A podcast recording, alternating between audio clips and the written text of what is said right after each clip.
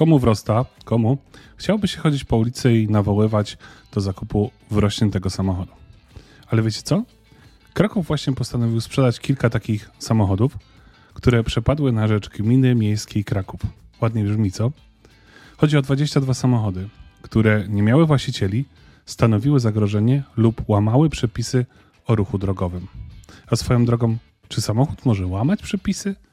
Cały czas wydawało mi się, że to kierowca je łamie, ale przepisy wiedzą lepiej. I tutaj ważna informacja. Samochody niezakwalifikowane jako złomy pójdą na aukcję.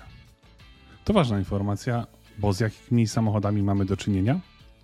Jest jedna perełka, Żuk A18, czerwony z 1987, którego minimalna cena została ustalona na 1500 zł.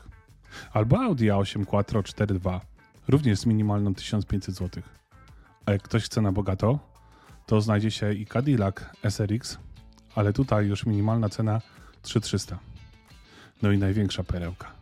Volkswagen Passat 1.8 2000 rok. Minimalna cena to 1575 zł. Taka precyzyjna.